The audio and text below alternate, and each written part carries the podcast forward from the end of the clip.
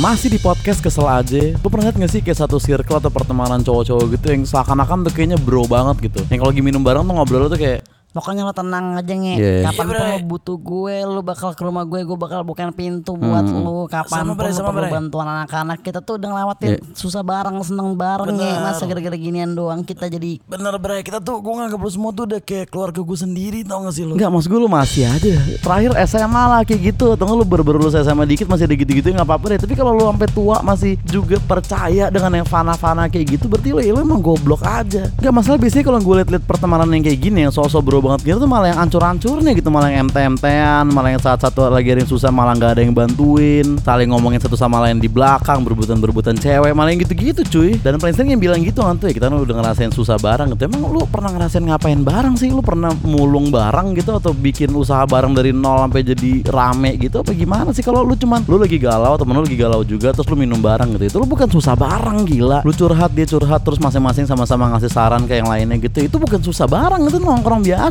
Itu temen emang kayak gitu faedahnya goblok. Maksudnya biasa aja lah Lebay amat ya lah lu. Kayak udah ngelewatin apaan bareng aja gitu. Kalau lu emang bro banget Tunjukin aja dengan kelakuan lu Dengan apa yang lu perbuat buat tuh orang gitu. Nggak usah diucapin berulang-ulang gitu. Norak banget sih dah Aneh